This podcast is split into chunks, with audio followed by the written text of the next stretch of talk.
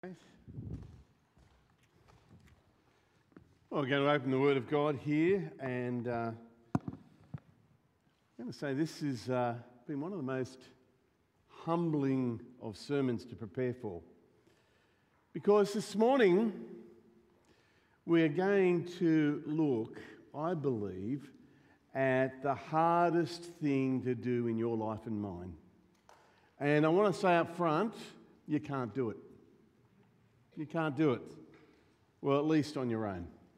And we're continuing our series in the Sermon on the Mount.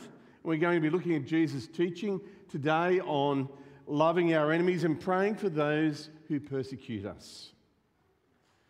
Now, when you see some people, sometimes you can't help but say, I know who your parents are. You just see it. When you see the child, you know what the parent looks like. And we know we, we can't choose our parents, and we owe so much to them, uh, and we're so indebted to them in our makeup, our temperament. There's things we maybe want that's different than our parents, maybe physically. Our, our nose a little shorter, our, our temper a little longer, or our skin a little darker, or if you're a male or female, depending on who you are, your frame a bit bigger. But the reality is, we cannot avoid being like our folks. Our likeness is proof of being in the family, of our relationship with our parents. And when we accept uh, that as a matter of uh, a physical descent, Jesus picks up this on the Sermon on the Mount in Matthew chapter 5 and applies it to our, our spiritual relationship with our Heavenly Father. For the spiritual realm, too, likeness is proof of our relationship. And if we're God's children, we prove it by our godliness and our behaviour. In this passage that we're looking at this morning, that Kate just read to us, it speaks about our family relationship that we have with God. Look there on the screen, verse 44. But I tell you, but I tell you, love your enemies and pray for those who persecute you for you may be children of your Father in heaven. He causes his sun to rise on the evil and the good and sends rain on the righteous and the unrighteous. People should see us and see the love of God in us and see him within us.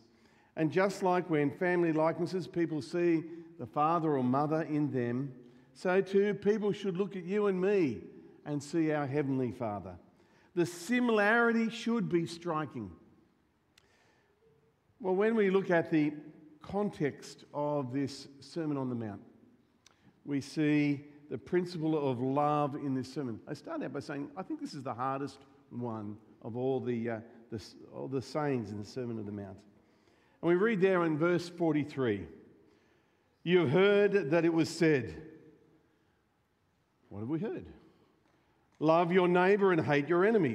Hmm, we know that. Uh, that was often the case, and the religious leaders of Jesus' day would pick up on these half truths and make laws out of them. And the Old Testament was full of many examples, but it was the Old Testament called upon us to love our neighbor. It never calls us to hate our enemies. But the Pharisees, they, they were very clever. They tried to narrow down what a neighbour was, and by giving that definition, it meant that those who were Jews were their neighbours, and only some of them were their neighbours. And the Jews were traditionally hated the Gentiles, the non Jews, and they regarded them as enemies. But Jesus shattered that conception of neighbour. Remember in the parable of the Good Samaritan. And who is my neighbour? Anyone who needs assistance, whether they be a friend or an enemy. Jesus completely condemns the Pharisees' lifestyle and their rules and their regulations. He tells us that not only to love our neighbour, which in this context was a Jew, but Gentiles were to love who were regarded as enemies. And our, our love is not to be like um, well, should not be related to what we like and dislike. or should not be dependent upon our disappointments and pain. Our love should be like God's love.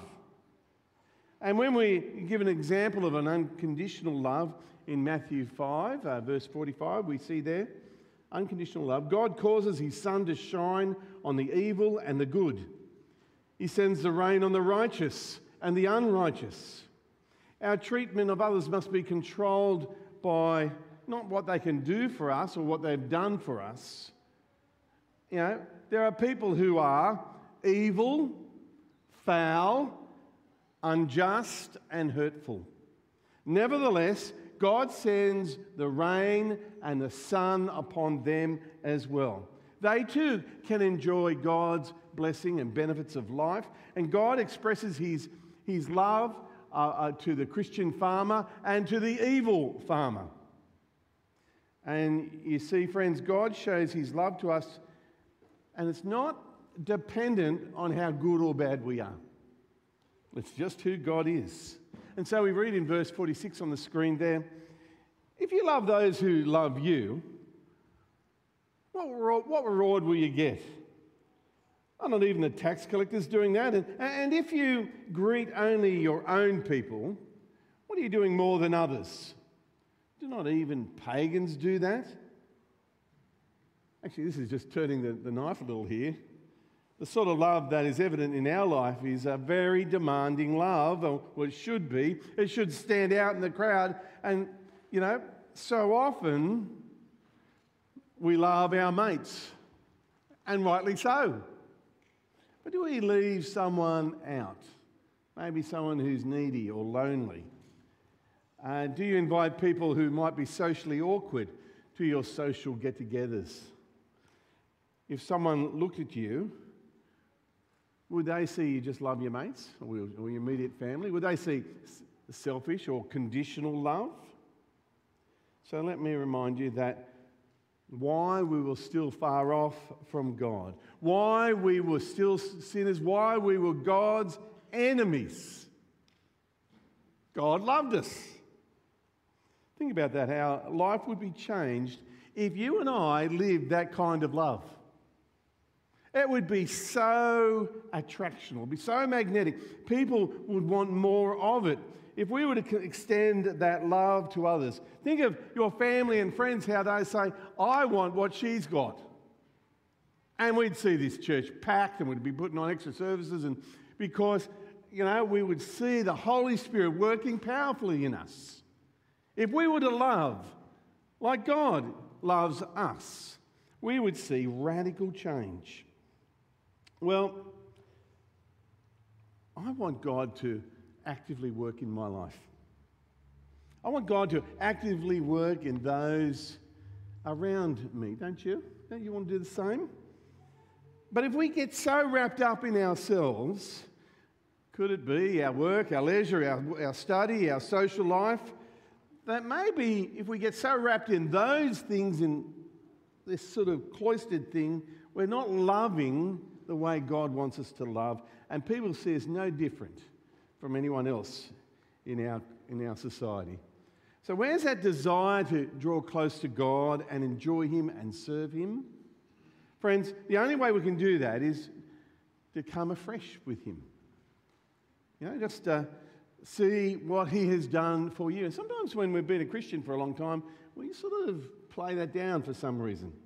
But to see the, the great salvation He has offered you and me, and, and it's the relationship with God that we have is infectious for us and to others. And isn't that relationship with God the, the thing that motivates us, the thing that, that gives us a new heart for serving Him? Well, the Bible says when we've got to look at all this, we've got to change from within. Within. Of course, that goes with the outside as well. But it's only when we change from within that we're able to reflect God's love in our life in a real way. It's only when we can love our enemies if we change from within.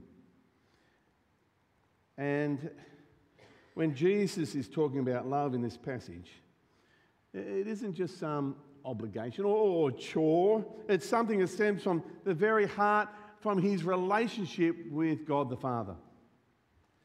I just want to pause for a moment. Before we sort of talk about loving enemies, what about, what about when we think of occasions when we have been cruel, when we have had unkind thoughts in our minds? We've been there, haven't we? All too regularly at times, especially when we're hurting. You don't wish that person well who's harmed you you wish them harm. Now, these dark but natural thoughts that, that uh, might come to mind when someone does evil or something unkind to you, I need to, we need to stop and reflect. And this is the very heart of what we're looking at this morning about what, what's happening when I get hurt? Am I reflecting God? If you stop and reflect upon where, first of all, that person who's hurting you, where they're coming from. You see that they might be reacting out of the depths of their human hearts and hurts. And, um, but I, when we get hurt, it's not really healthy necessarily to suppress our feelings and emotions. But the type of love we're looking at is, is based firmly in our relationship with the Lord Jesus Christ. And we are to love our enemies. And when someone has a go at this week, has a go at you, all right? Say, you know, it's Tuesday afternoon someone takes a piece of you at work. You know, it's our human response, our natural carnal nature to bite back. And, uh, but Jesus is telling us that we must have a totally different motivation. In fact, this series we're calling an upside down kingdom. It's so countercultural to the world. Our words must seek to be kind and gentle, and we not, must not mete out spiteful or revengeful behaviour. But we must pray, we're told here, for those who persecute us and ask God to have mercy and pity on them. When someone wrongs us, well, yeah, we might, we might like to pray. Sometimes we might want to pray that disaster befalls them, don't we? And you know, they, we're tempted to pray those, uh, well, those uh, psalms where you sit back and watch God smite them, you know, that, that sort of thing. Much like, like Jonah outside of Nineveh. But that is not what Jesus is meaning when he says pray for our enemies. He had something better in mind that will benefit us and for those who are our enemies. And when someone causes us harm, it is a natural reaction to protect ourselves and fight back, yes. They gossip about us, so we gossip about him, and uh, he lied about us, and we'll lie about him. She smeared our reputation, and we'll smear hers. However, Jesus calls us to a way higher standard, friends.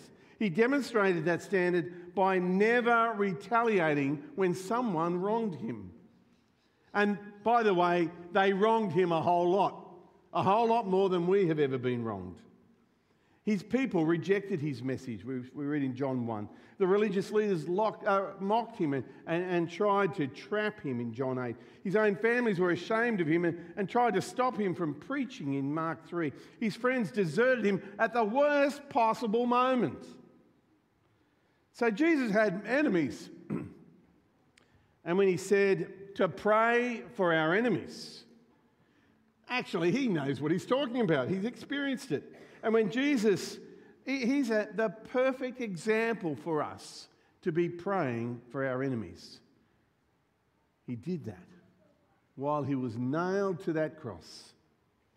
In the middle of his own agony, he cried out, Father, forgive them, for they do not know what they are doing. He talked to his father about the people who were harming him, and he did not wish destruction upon them. He did not want to pray for revenge. He prayed that they would be forgiven. He had compassion on the deceived people who believed that they're doing the right thing by killing the Son of God. They had no idea, you know, what actually was taking place. And Jesus said they don't know what they're doing. He hinted an important factor here to keep in mind when we're praying for our enemies. Our enemies we pray for, who hurt us, may come from their own world of hurt as well.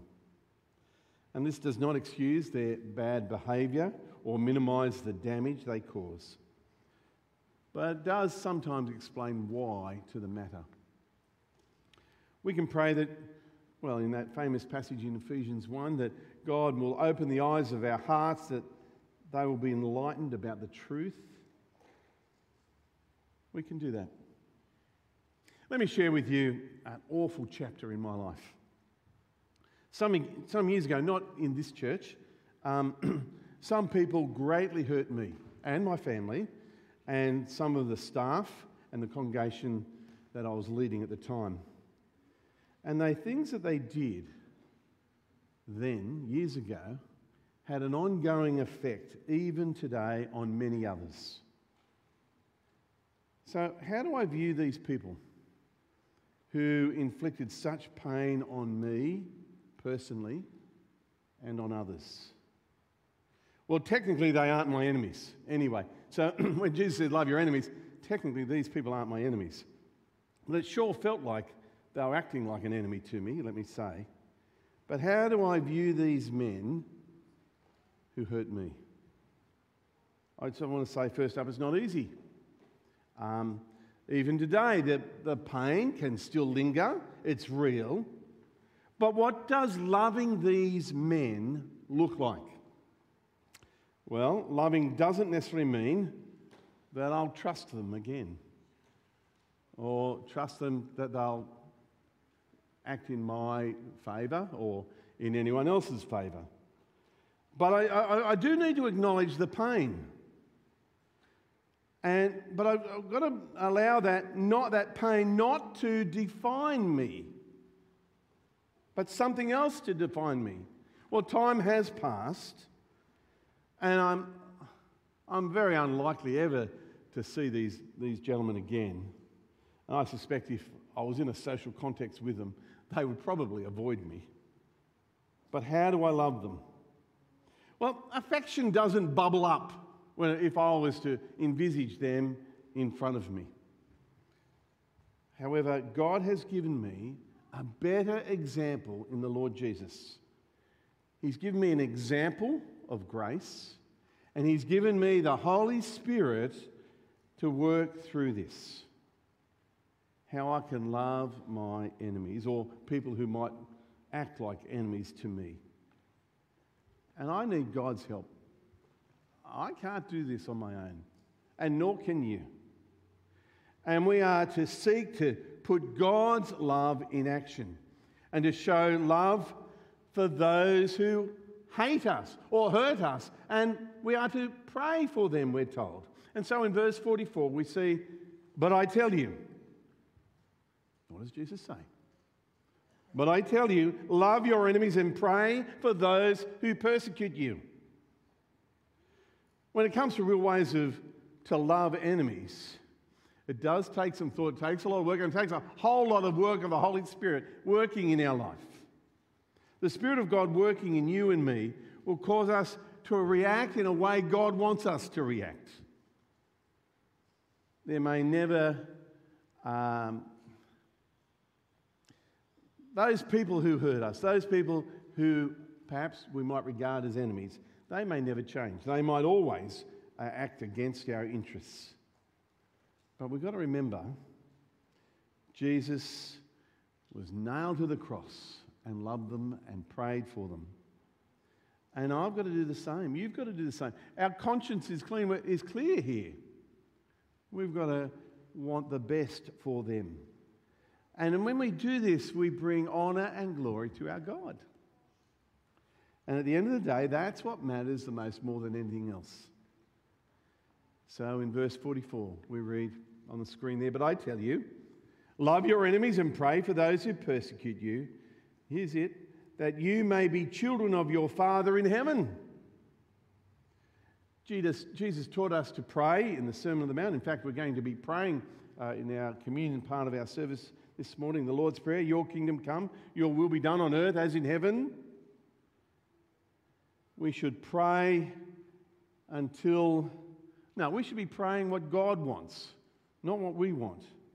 And He wants to bless our enemies, and so we should be wanting to do that as well. And He wants to serve our enemies in some way, then we need to do the same. So prayer is aligning our will to God's will when we pray for our enemies. We need to wrestle, yes, through our emotions and pains until we truly want what God is, wants best for us and others. Friends, we, I want to finish here. I mentioned it before. You and I were once God's enemies. But now we are his children. So, in praying for our enemies to become more like us, we want them to be God's children. We want them to, to know, to be enlightened, and to connect with our God and Father as well. And when we do this, people are going to see the family resemblance in you. They'll see your Heavenly Father, and they'll be drawn to Him. Let's pray. Heavenly Father, we thank you that it was through Jesus' death on the cross that we're able to become your children. And we're so grateful for that. Lord, it is so hard to love our enemies, but you did it. And so, Lord, I pray you would give us strength every day by your Holy Spirit because we can't do this on our own, especially when we're hurting. And uh, we pray for our enemies. We want to love our enemies like you do. And we pray this in Jesus' name. Amen.